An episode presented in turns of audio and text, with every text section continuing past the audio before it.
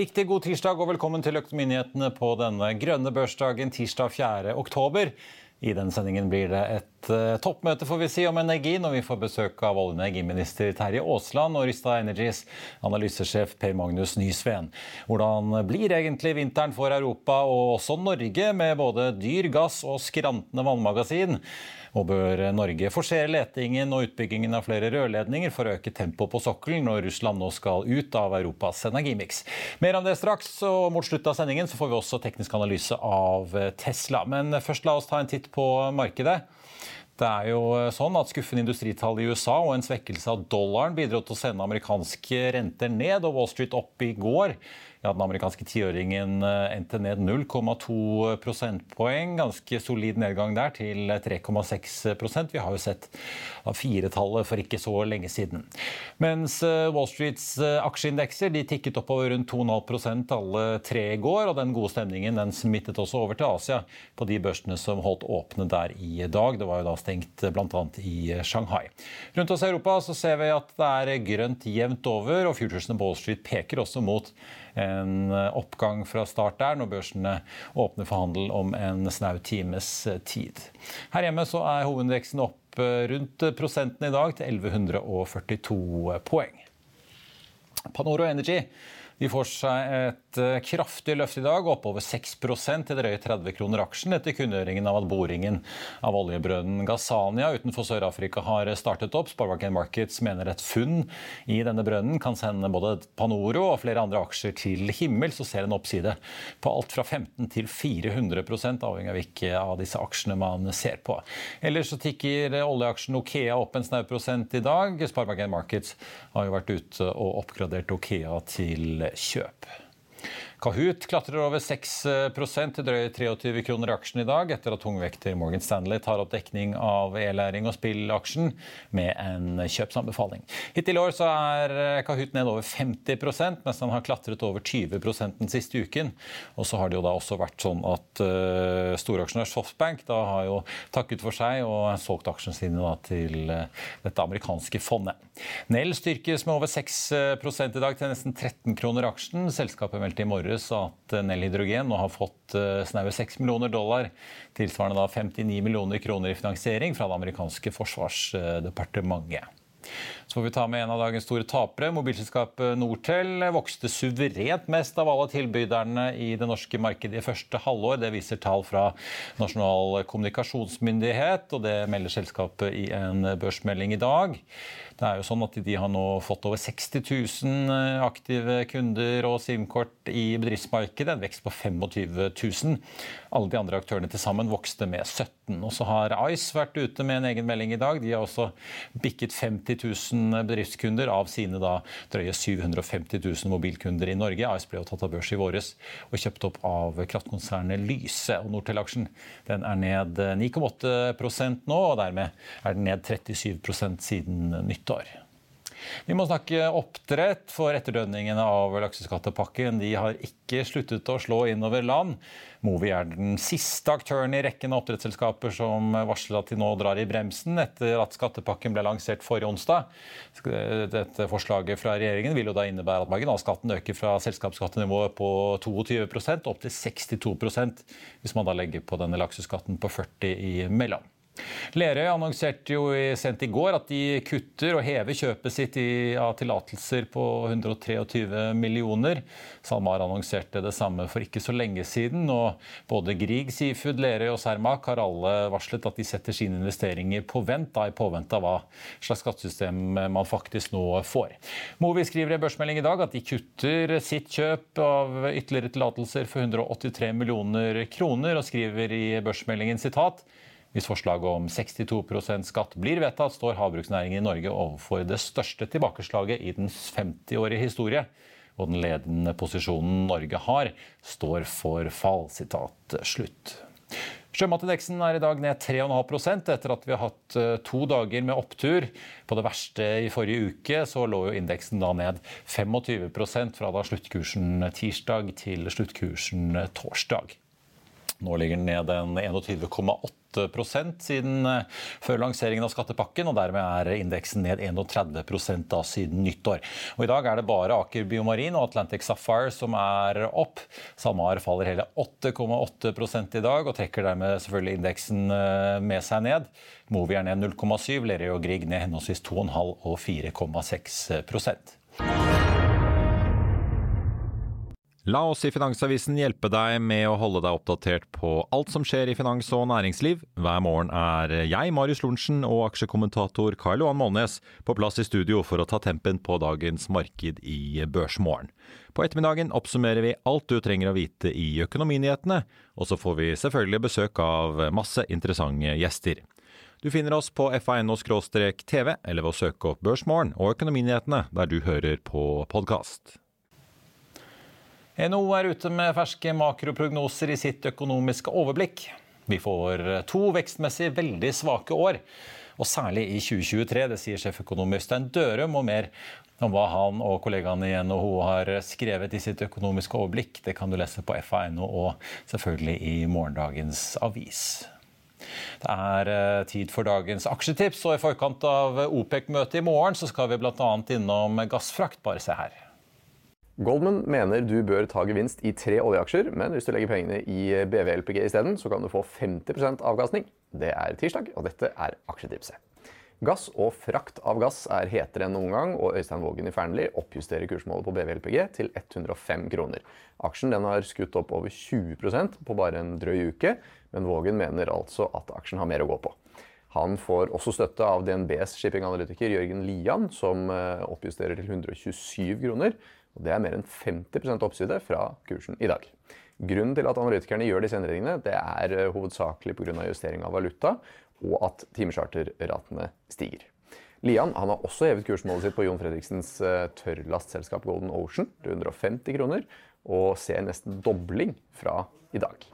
En annen brennhet sektor er olje. Flesteparten av analytikerne anbefaler kjøp av eh, både Vår Energi og Aker BP, men i Equinor anbefaler faktisk flere hold enn kjøp. Michel de la Vigna i Goldman han anbefaler nå å selge alle de tre norske oljeaksjene. Kursmålet hans viser at aksjene skal stige noe mer, men mener at det er på tide å ta gevinst. Aldri før har situasjonen rundt norsk sokkel vært eh, mer spent. Aldri før har vi som land tjent like mye penger, og aldri før har vel egentlig behovet for å diskutere hvilken vei Norge skal ta, vært større. Nå som det er krig i Europa, og Europa også vil fri seg fra Russlands energilenker. Men diskuterer vi egentlig hva dette betyr for Norge? Eller er det en debatt som politikere og oljetopper helst unngår, her vi sitter i skvisen mellom klimamål, investorer som helst vil ha kjapp avkastning på oljekronene sine, og en verden som skriker etter eh, mer energi. Velkommen til oss, eh, olje- og energiminister eh, Terje Aasland og analysesjef i Rysta Energy, Per Magnus Nysveen. Velkommen. Dette er jo en prat jeg har gledet meg til lenge. For det er jo et uh, tema som uh, finurlig nok alltid holder seg veldig aktuelt. Aasland, jeg tenkte vi må, vi må, begynne med det. Nå har vi akkurat hatt åpningen av Stortinget hvor altså kongen sto på talen med regjeringens tale. Mm. Snakket om en global energikrise som jo ikke bare rammer Europa. Men vi har jo også på en måte en, en sikkerhetskrise etter da, det som alle aktuelle land kaller sabotasje mot uh, Nord Stream 2. Mm. Hvor står vi egentlig nå? Heimevernet er utstasjonert, eh, ser vi rundt omkring det ganske land på olje- og gassinstallasjoner? Ja, altså Vi har jo høyna beredskapsnivået og sikkerhetsnivået knytta til de viktige olje- og gassinstallasjonene som vi har på norsk sokkel og i tilknytning til norsk sokkel. Og det er fordi at eh, vi ønsker å signalisere veldig tydelig at vi skal være en stabil, eh, forutsigbar leverandør av gass til Europa i et veldig krevende situasjon, som du sier. Når vi ser tilbake et års eh, tid nå, fra nå av, så ser vi jo veldig tydelig at gassen har blitt brukt som et strategisk virkemiddel i å forberede seg på krigen. Eh, og så kom krigsutbruddet. Prisene ble eh, høye. Energiknappheten tiltok. Og det er jo det som har vært fokuset etter den tida, egentlig. Det er hvordan kan vi klare å stabilisere energispørsmålet. Jeg tror det er ganske avgjørende også i forhold til det å skape stabilitet eh, og harmoni i et Europa som eh, nå er prega av eh, krig. Vi vet jo at telefonene går ganske hett mellom Europa og eh, dere i regjeringsapparatet her hjemme. Det skjedde jo da det plutselig ble streik på sokkelen her i fjor. Og selvfølgelig fortløpende ser vi jo at EU-kommisjonens president er ute og sier at hun har snakket med Jonas eh, eller andre i, i statsapparatet her hjemme. Hvor nervøse er de i Europa nå for leveransene fra norsk sokkel, litt det vi har sett skje i Østersjøen? I hvert fall, min opplevelse er at Europa er veldig takknemlig, egentlig. Fordi det store bidraget som Norge har gitt gjennom det året vi nå har, eh, er inne i. Vi øker eh, olje- og gassproduksjonen, eller gasseksporten, med 8 eh, til det europeiske markedet. Det betyr veldig mye. Det er 100 TWh sånn cirka omgjort til elektrisitet. Eh, to tredjedeler av det norske kraftsystemet. Så det er store energimengder som ligger i gassen. Så det at vi kan være en stabil, forutsigbar og langsiktig leverandør eh, til det europeiske markedet nå med spesielt da gass, er jo helt avgjørende for eh, Europas energisikkerhet i, i fortsettelsen. Og ikke minst muligheten for å stå samla når Europa skal løsrive seg fra russisk gass i tida framover. Du ble jo litt kritisert for den, eh, det svaret du ga om at uh, sikkerheten på sokkelen er egentlig selskapenes ansvar. Det er det jo i normaltider. Men når var det det gikk på en måte fra selskapenes ansvar til at det nå plutselig er uh, Kystvakten som patruljerer og Heimevernet utstasjonert? Var det sabotasjen, eller var det noe før det som gjorde at dere begynte å forberede denne opptrappingen av beredskapen? Nei, Vi har forberedt opptrappingen eh, lenge før eh, det med Nord Stream 1 eh, og 2. Vi har utpekt norsk olje- og gassektor, egentlig, altså alle installasjonene, som en sånn GNF, altså en sånn ekstraordinær sikkerhetsoppmerksomhet knytta til det. Vi har også tatt og forsterka det rett etter sommeren i forhold til gasstransport i rør. Nettopp fordi at vi skal være forberedt på eh, den situasjonen vi lever i, hvor eh, oppmerksomheten selvfølgelig på energisikkerhet, energileveranser, er økende. Eh, og det har vi gjort. Vi har også gjort det sånn at for noen aktører innenfor olje- og gassvirksomheten vår, så har de nå sikkerhetsklarert etter sikkerhetsloven, sånn at informasjon som er av stor betydning for hvordan en skal sikre seg på norsk sokkel, eh, kan flyte til disse selskapene, sånn at de kan gjøre gode forberedelser på det. Og Det er viktig, fordi at eh, vi vil jo beskytte dette viktige instrumentet i å lage stabilitet over tid. Men Var det sabotasjen som fikk dere til å faktisk trykke på knappen? Ja, altså det var jo sabotasjen og da vi så hva som, som, som hendte. Alt tyder jo på at dette er en villa handling, og det er det jo nå. Eh, og det er klart at eh, På det tidspunktet hvor det skjedde, eh, så høyna vi beredskapen og har fått en veldig fin dialog. Og vi får konstatert samspillet mellom de ulike instansene i Norge, som faktisk nå snakker sammen og håndterer situasjonen på en god måte. Eh, for fire-fem dager siden satt vi og snakket med Forsvaret og politiet eh, hvordan de skulle finne hverandre i den situasjonen. og Nå ser vi at Heimevernet er på plass på de viktige landanleggene våre. og Det er veldig bra at det fungerer så godt som det det gjør nå. Per Magnus, dette har jo eh, kanskje egentlig vært litt utenkelig, selv om noen sikkert har planlagt det utenkelige på papiret og hatt øvelser. Likevel, hva skjer da hvis noe skulle i gåsehudene veldig kynisk sagt smelle i Norge? Nei, altså Hvis uh, Norges eksport til Europa skulle falle bort, uh, da, da, snakker vi om en, en nesten umiddelbar uh, kraftkrise i Europa. Norge leverer 30% av Europas gass. Og nå når Russland er borte, og da hvis Norge også skulle falle bort, så vil det være, det vil være strømkrise ganske, ganske raskt. Da er det ikke bare at det er kjempehøye priser lenger? da er det... Nei, jeg har sagt at man skal klare seg denne vinteren, hvis den blir normal, slik eh, situasjonen er nå. Og den er jo allerede veldig dramatisk. Men det er eh, nesten ingen sjanse i det hele tatt at Europa kan klare seg gjennom vinteren eh, hvis norsk eksport faller bort. Men det betyr at all kraftkrevende industri i Europa først og fremst helt sikkert må permittere over vinteren. Eh, men det er ikke sikkert selv det er eh, tilstrekkelig. Ja, Så det er alfa og omega at Norge er, går helt uforstyrret egentlig i den situasjonen vi har. da. Ja, altså, ja. Vi har snakket om en perfekt storm i, i, i, over et år. Altså, selv med før Ukraina snakket vi om en perfekt storm. Og så Nå har Frankrike måttet begynne å reparere halvparten av sine atomreaktorer. Ja, Det var vel maks uheldig timing på ja, og, akkurat den der. Og så er elvene i Europa nå halv, halvfulle av vann, og det gjør at kull, kull ikke kommer frem. Så det er så mange ting som skjer at eh, begrepet perfekt storm det blir bare riktigere og riktigere. Og hvis det da skulle skje noe med norsk gasseksport, eh, da er det en eh, perfekt orkan. Hvor reelt er det egentlig? Er det, liksom, dere sier jo at det ikke er noen trusler sånn akutt nå, men er det, er det noe vi må være forberedt på? At de, noen vil prøve seg på nå? Altså, Vi tar sikkerheten og beredskapen på største alvor. og Derfor har vi nå også vært veldig tydelige om at vi har økt både sikkerhetsnivået og beredskapsnivået. Derfor er nå Forsvaret til stede ute på norsk sokkel. Patruljerer i Nordsjøen både med Kystvakta og andre militære farkoster. Vi er til stede i lufta. Vi ser at politiet i dag har sagt at de har altså installert sensorer for eh, droneovervåkning. Eh, vi har Heimevernet på plass i landanleggene våre. Så dette er en situasjon vi følger tett, eh, nettopp for å være veldig tydelige på at vi gjør det vi kan og iverksetter de tiltakene vi mener er nødvendige nå for å sikre oss eh, i forhold til dette. Både for å opprettholde den viktige infrastrukturen som uh, norsk energi er i europeisk sammenheng nå, men også for å trygge omgivelsene. Altså familiene til de som jobber ute på norsk sokkel. Uh, de menneskene som er ute på norsk sokkel, de skal også føle seg Eh, ivaretatt i den situasjonen som er der. og Derfor er det viktig det som eh, nå har blitt mobilisert av, eh, av kontroll og oppfølging. Per Magnus, vi må snakke om vinteren. Da. Gitt bank i bordet at alt går som det skal fra Norge, og vi leverer eh, som vi skal uforstyrret, eh, så mener du likevel at Europa vil komme seg gjennom denne vinteren?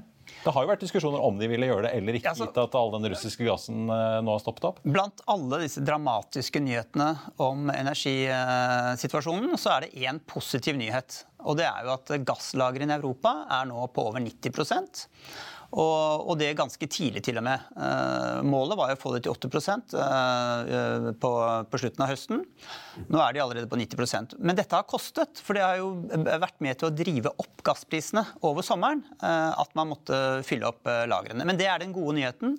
Og det, er, eh, det, tyder bra for en normal vinter for Europa. det, skal... og det er LNG som har søket for eh, primært, da? eller? Ja, altså, vi har jo litt å gå på i Norge, men så mye har vi ikke å gå på. LNG, altså, ja. Europa har støvsugd hele markedet for, eh, for, det som kalles spot LNG. Så all den LNG-en som, som, som, kan kjøpes og leveres, den kjøpes nå av Europa og leveres til Europa. Og det har, det har, gjort at gasslagrene er blitt fylt opp til 90% Så ved en normal vinter så skal det ikke være noe problem rett og slett, denne vinteren. Men situasjonen vinteren etter den, eh, den, vil da være dramatisk eh, uten russisk gass. Så de som har gått og snakket om eh, at dette er en krise som vil vare i mange år, de begynner å få rett? Ja, altså Hvis vinteren blir, eh, blir eh, spesielt kald, eh, da, da, vil man få noen problemer. Men altså, det, det første ja, men jeg tenker på at Dette er ikke en krise som er over nå, bare vi kommer oss nei, neste nei, år og sommer. Nei. Det, situasjonen for Europa det, den kommer til å være vanskelig i tre år fremover. Så det kommer til å være tøffe eh, energipriser. Det kommer til å være høy gasspris. Jeg vil si tre år fremover. Ja. Også, hva, hva, sitter dere og planlegger for? da? Du sitter jo, Vi har på en måte havnet i en eh, strømkrise hvis man kan kalle det her hjemme òg, fordi at prisene drives opp av de, de, høye gassprisene som eh, er nede på eh, kontinentet. som jo, altså Vi bruker jo ikke noe naturgass egentlig for å lage strøm, men vi får jo denne smitten over. Eh, forbereder dere på at eh, vi også blir påvirket av dette her i flere år fremover? da? Ja, det må vi altså ta høyde for. og Derfor må vi også planlegge for det. Men jeg har bare lyst til å understreke det som blir sagt. Jeg tror nok også neste år blir tøffere enn enn inneværende år. Eh, og Det henger sammen med at eh, russisk gass har jo vært en, en, en, stor, altså en viktig andel av europeisk eh, energielement i dette året. Det er borte til neste år. Eller i hvert fall betydelig mindre. Så det vil jo påvirke situasjonen. Her hjemme så har jeg vært veldig opptatt av at vi skal sikre forsyningssikkerheten. Eh, først og fremst fordi vi også er berørt av den perfekte stormen. Eh, pluss at vi heller ikke har noe regn. Magasinfyllinga er svært lav.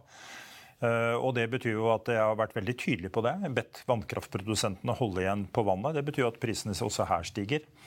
Eh, nettopp for å sørge for at vi kommer eh, oss gjennom vinteren med strøm i stikkontaktene eller strøm i, i, i tilknytning til, til, de leveransene som skal foregå i det norske kraftsystemet. Og så har vi også erfaringer nå som gjør at vi ser at uh, vannkrafta er utsatt, både av vær, men også av hendelser der ute. Så jeg har sagt at vi skal ha en ny styringsmekanisme som gjør at vi eh, i en situasjon hvor vannstanden faller under eh, det som er normalt for årstiden, ned mot et lavt kritisk lavt nivå, eh, så skal vi ha begrensninger, noe begrensninger i eksporten, nettopp for å ivareta egen nasjonal forsyningssikkerhet. Og det er jo også med på å opprettholde vannkraftas skal vi si, kvalitet også i framtid. fordi at det vi ser mye av det Europa skal erstatte den russiske gassen med, det vil jo være fornybar vind energi. Vind og sol som kommer og går? Ja. ja, det vil være fornybar energi som vind og sol som kommer og går. Eh, og Da er det viktig at vi også i den sammenhengen setter eh, norsk vannkraft inn i en riktig kontekst. og Da er styringsmekanismen som, vi har foreslått, som jeg har foreslått, den er etter min mening helt perfekt.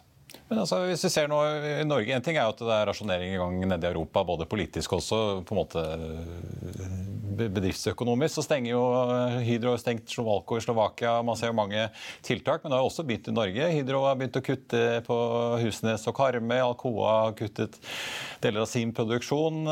Rasjoneringen er jo på en måte i gang. Da er vi jo ja, den er i gang. Hvor trygge kan vi være på at vi faktisk har nok strøm til å komme oss gjennom vinteren da? Men det er jo ikke rasjonering i rasjoneringsbetydningen. Det henger jo sammen med at alt er ikke pålagt av deg, men det er jo bedriftsøkonomisk rasjonering, da? Jo, det kan du si, men det henger jo også sammen med at alt henger sammen med alt her. Altså Når europeisk industri stenger ned, eller begrenser sin aktivitet, ja, så er det mindre behov for aluminium.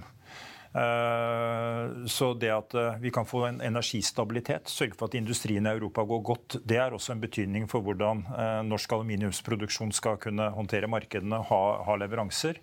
Så det, det, er viktig. og jeg har sagt det mange ganger, altså Vi må også være opptatt av at tysk bilindustri går framover. fordi at folka på Raufoss de skal også ha en jobb å gå til. Og på det tidspunktet hvor bilindustrien i Tyskland stenger ned, så vil også de som jobber på Bentler på Raufoss som et eksempel, eh, bli permitterte. Så vi må unngå det. Vi må sette, sette dette inn i en sånn sammenhengende kontekst. Vi er gjensidig avhengig av at vi kommer ut av situasjonen eh, bedre rusta enn det vi hadde på inngangen til situasjonen. Og inngangen til situasjonen eh, viser jo veldig tydelig at Europa var veldig avhengig av en veldig ustabil, uforutsigbar og etter hvert en en, en, en, en, krigsmaskin som Russland prøver å fremstå i Ukraina. Så det er uh, dramatisk og en sterk påminnelse om at dette skal vi håndtere bedre i tida framover. Per Magnus, hvor stramt tror du det egentlig blir her uh, hjemme i vinter? Vi har jo sett, uh, altså, nå har jo danske myndigheter beordret Ørsted til å holde olje- og kullkraftverkene sine standby, men vi har jo også sett Statnett ta hjemme Equinor holde Mongstad gasskraftverket tilgjengelig. Ja, nei, altså, det, er, det, er, kritisk at Norge er så avhengig av, av vannkraft. At det er så viktig for oss. og det, det, må man gjøre noe med på sikt. og Det er jo vindkraften. Men vindkraftutbyggingen går ikke raskt nok. Eh, og det blir viktig for at vi skal kunne få energisikkerhet fremover. Eh, det er en god nyhet faktisk, også i Norge. Det er at eh, det er masse vann eh, nord for Sognefjorden og i Nord-Norge og nord for Trøndelag. Men vi vet at det er dårlig kapasitet. Så det hjelper ikke, ikke nok. Hilde Tonje og Statnett må bare få slengt over noen kabler over fjorden? Ja, altså, jeg, altså inn, inn, i Norge så er det en, en, av de beste investeringene vi kan gjøre i Norge for norsk energisikkerhet. Eh, men det er en politisk beslutning, eh, og jeg er analytiker.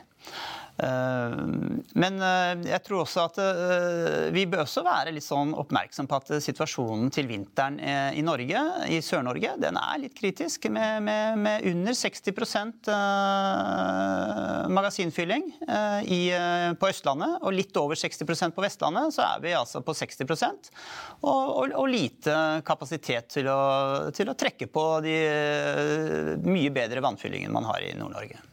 Dere, Vi må snakke litt om uh, den langsiktige veien videre for norsk uh, sokkel. Du var jo i Brussel i juni og møtte da uh, eh, EU-kommisjonens visepresident Frans Timmermans og energikommissæren Kadri Simsen. og det kom ganske nye toner for de som følger EU tett fra det møtet.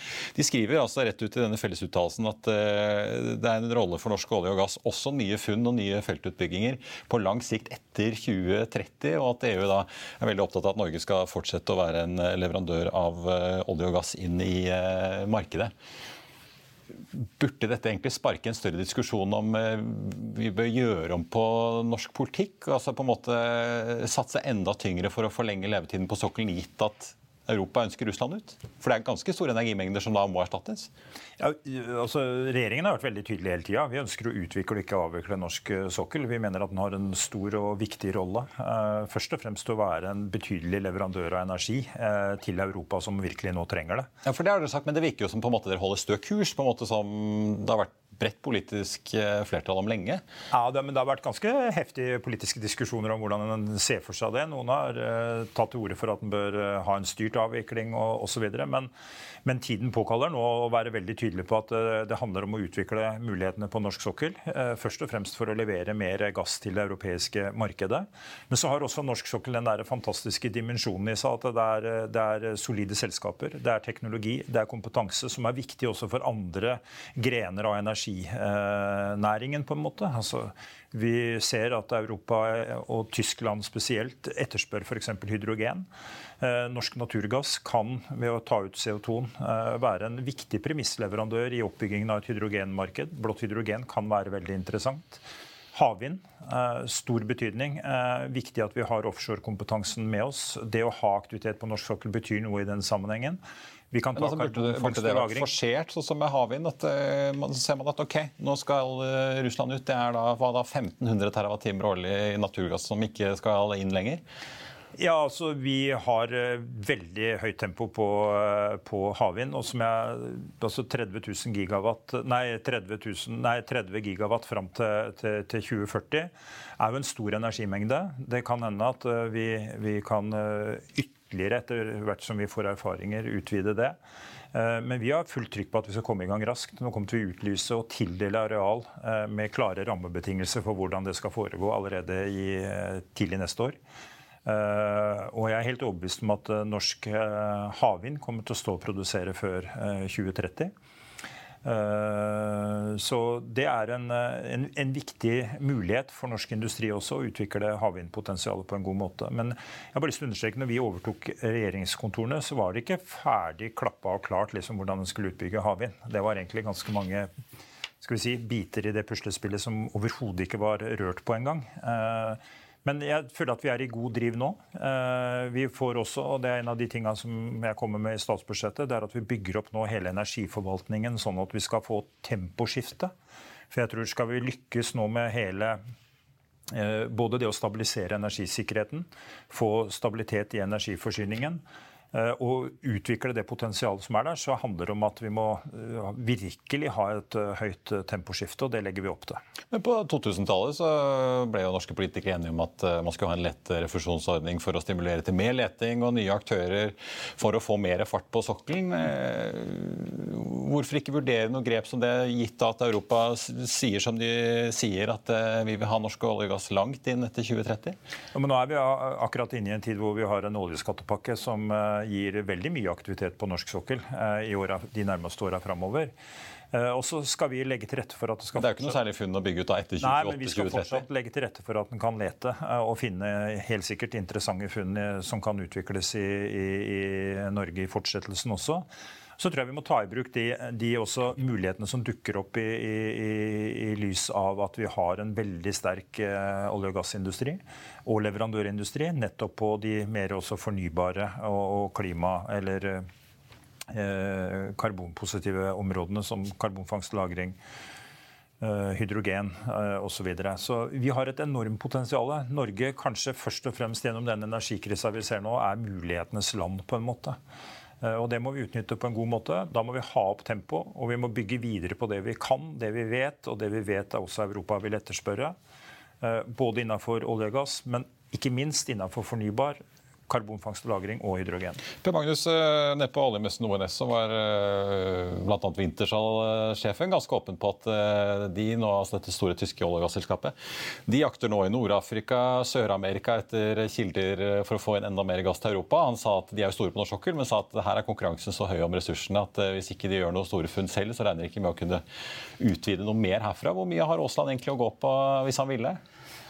Nei, altså Slik det er med aktivitetsnivået og, og uutbygde funn eh, i Norge, så, så, ser det bra ut fram til 2030. Og så ser det ikke bra ut rett etter 2030. Så etter 2030 så kommer norsk eh, gassproduksjon til å falle ganske raskt. Fordi aktiviteten ikke er høy nok. Det er ikke nok leteaktivitet, det er ikke infrastruktur eh, til å motivere til økt leting. Og det er masse ressurser eh, både i Norskehavet og i Barentshavet. Ja, burde du egentlig forsere et gassrør opp der? da? Gassco har jo sett på mulighetene for det før og har jo egentlig vært positive. De har ikke bare sett på det, de ser på det. Altså det at vi kan utvikle Barentshavet som en viktig energi. Eh, eh, et viktig energiområde i framtida er viktig. Og det å finne en evakueringsløsning for gassen som eventuelt finnes oppe i Barentshavet det er, For melka er jo Der er det fullt? Der er det fullt. Det kan være snakk om at vi kanskje sånn som bildet blir, at det blir et, et tog til på, på Melkøya. Men det kan også være en rørinfrastruktur. Men det jobber Gassco, nei, og Gassco med, og ser på hvordan dette kan gjøres på en god måte. Og Så må det jo være interessenter også for det, da, den type eh, framtidsløsninger. Men, men, er det det største problemet at liksom investorene til oljeselskapene de er ikke så interessert i disse langsiktige satsingene da, eh, som vi materialiserer seg etter 2030 lenger? At de vil ha det er jo et problem at oljeskatteprosjektene som eh, kommer i produksjon før 2030? Det er et problem at de store majorene, supermajorene har vist mindre interesse for Norge. Men det er klart at eh, hvis man, hvis man forplikter seg til, til infrastrukturen som er nødvendig, så tror jeg de vil komme tilbake og lete etter gass i Norge. Ja, Infrastrukturen er jo helt, det er ingen som investerer i et eh, system hvor ikke markedet rundt fungerer godt nok. Så infrastruktur, eller i hvert fall gode evakueringsløsninger for den gassen som finnes i Barentshavet, er viktig. Og er noe som eh, har oppmerksomhet, og som det jobbes med.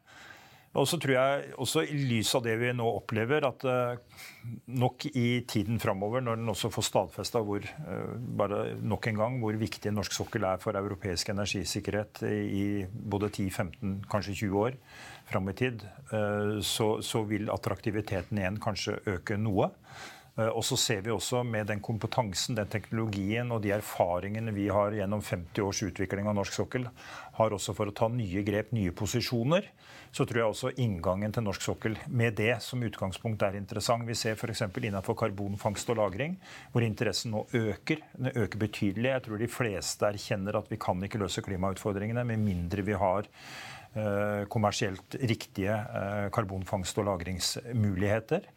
Hydrogen hvis det tar av, så ser vi kombinasjonen naturgass, hydrogen, et veldig spennende felt.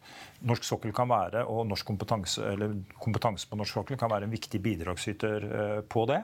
Og så er det kanskje juvelen i, dette er også havvind, hvor vi kan ha norsk sokkel som en eh, utviklingsarena for flytende havvind spesielt. Hvor det globale markedet vil etterspørre mye flytende havvind eh, i åra framover og være et stort potensial for norske virksomheter. Kort til slutt, Din forgjenger i Høyre-regjeringen, Tina Bru, eh, var jo den første ministeren på mange år som måtte ta det grepet under pandemien og faktisk kutte produksjonen på norsk sokkel. Kan du bli den eh, første ministeren på lenge som forserer og løser høna-egget-floken ved å sette i gang et rør opp til Barentshavet, før selskapene har forpliktet seg, kanskje? Ja, det kan, det kan, jo bli en eh, løsning. Nå, som sagt, nå jobber, eh, jobber, Gassco med dette. Eh, og jeg tror det er riktig at de gjør det på den måten og den erfaringen de har med å bygge infrastrukturen. Og så er jeg den olje- og energiministeren som i hvert fall kanskje da i dette året er den som også leverer mest eksport til til Europa når det gjelder gassen, i en tid hvor virkelig Europa trenger det. Terje Aasland, olje- og energiminister, tusen takk skal du ha. Det kommer sikkert julekort fra Brussel eh, i år, er jeg sikker på. Takk også til Per Magnus Nysveen, analysesjef i Rysta Energy. Futures på Wall Street peker fortsatt mot en positiv start når markedene der borte åpner om 21 minutter. Her hjemme er hovedindeksen opp 1,15% til 1143 poeng, og dermed ser det ut til at vi får den tredje dagen med oppgang, selv om vi riktignok har sett oppgang på over 2% de siste par dagene. På listen over de mest omsatte aksjene må vi innom SalMar eh, og sjømatnæringen, for vi har Equinor på topp og Aker BP deretter, men på andreplassen ligger SalMar, som er altså en av de desidert store taperne i dag, ned ytterligere 9,8% og fallet skyldes etter all sannsynlighet av DNB Markets som er ute med en eh, sektorrapport som de har kommet med på eh, i løpet av dagen i dag, hvor de altså kutter Mosseval og SalMar begge ned fra kjøp til hold. I sektoren var det egentlig bare Norway Royal Salmon som lå inne med hold fra før hos eh, DNB. De kutter i kursmålet på SalMar altså fra 780 til 400 kroner, så å si en halvering. Den aksjen ligger nå på 364,40, altså ned 10% med veldig høy omsetning. Mosseval tar de ned fra 56 til 32 kroner, gjør også en rekke kutt i de andre sjømataksjene jevnt over kursmålene, men beholder altså kjøp eh, på de andre, som Austevoll, Bakkafrost, Lerøy, Grieg og Movi. Movi tar de for så vidt fra 260 til 165. Movi ligger nå på 1,40-1,10 da på Oslo Børs, men er eh, bare ned og på å si en snau prosent sammenlignet med da SalMar, som virkelig får eh, merke det. DB Market skriver at det selvfølgelig i tillegg til skatten er selvfølgelig årsaken til at de kutter såpass mye i disse kursmålene og anbefalingene. Så kommer også økt Eh, kapitalkostnader som de regner med i kjølvannet av dette her, og også en økt risikopremie. DNB skriver at de fortsatt har positive utsikter til sjømatsektoren, men at disse faktorene altså trekker ned. Og DNB har ikke gjort nye vurderinger av de landbaserte oppdrettsaksjene som Salmon Evolution og Atlantic eh, Sapphire blant annet. Vi må også innom Autostore, en av de store vinnerne i dag, opp 10% JP Morgan kutter jo eh, da kursmålet fra 40 til 20 kroner og opprettholder kjøp. Autostore ligger nå på 14,25. Og Jeffreys altså inn og nedjusterer fra 27 til 21 kroner. Gjentar også kjøp der. Skatek eh, må vi innom. De hadde jo kapitalmarkedsdag i forrige uke. Klippet hvor vi snakker med konsernsjef Terje Pilskog, det finner du på f1.no-tv. APG er ute og kutter kursmålet fra 130 til 100 kroner. Opprettholder kjøp og fornybar-aksjen. Men de var jo, som eh, vi har pekt på tidligere i dag, oppe i et kursmål på 360 for ikke så altfor lenge siden. Skatek er opp nesten 2,5% til 80,92 i dag. Så fortsatt en oppside der, altså. Og DNB også ute og gjør endringer på BVLPG, gassfraktrederiet som er innom med aksjetipset fra 110 til 127 kroner løfter i den. Gjenta kjøp. BVLPG ligger opp en drøy 5% i dag til 83,20. Så får vi også ta med nordsjøoljen opp 2,5% nå til 90 dollar og 94 cent. Eh, da, dagen før OPEC-møtet, hvor det jo er ventet at OPEC og OPEC pluss, som inkluderer Russland, vil kutte produksjonen med en million fat. Fasiten på det får vi selvfølgelig da i morgen. I Finansavisen i morgen så kan du lese Trygves leder der han skriver 'glem flyaksjer'. Du kan også lese mer om en avgjørende boring i Afrika altså, som vil påvirke Panoro Energy og andre aksjer. Du kan lese om NHOs konjunkturrapport. Og så blir det børsintervju med Sparebanken Møre-forvalter Thomas V. Johansen. Og Det var det vi hadde for deg i dag, men husk at vi er tilbake igjen i morgen eh, klokken 08.55 med Børsmorgen, og deretter med Økonominyhetene klokken 14.30. I mellomtiden så får du alltid siste nytt på FA.no. Mitt navn er Marius Thorensen. Takk for at du så eller hørte på, og så håper jeg vi ses igjen i morgen.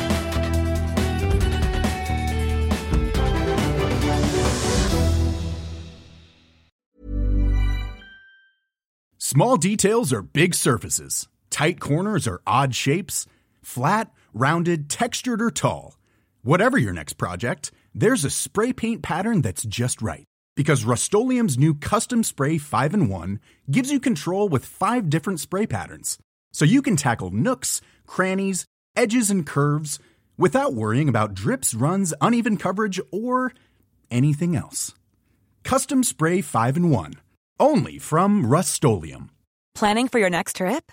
Elevate your travel style with Quince. Quince has all the jet setting essentials you'll want for your next getaway, like European linen, premium luggage options, buttery soft Italian leather bags, and so much more. And is all priced at 50 to 80% less than similar brands.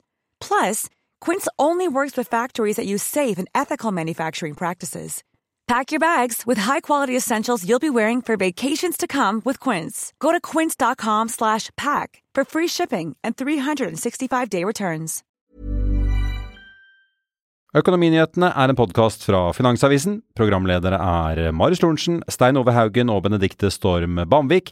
Produsenter er Lars Brenden Skram og Bashar Johar. Og ansvarlig redaktør er Trygve Hegnar.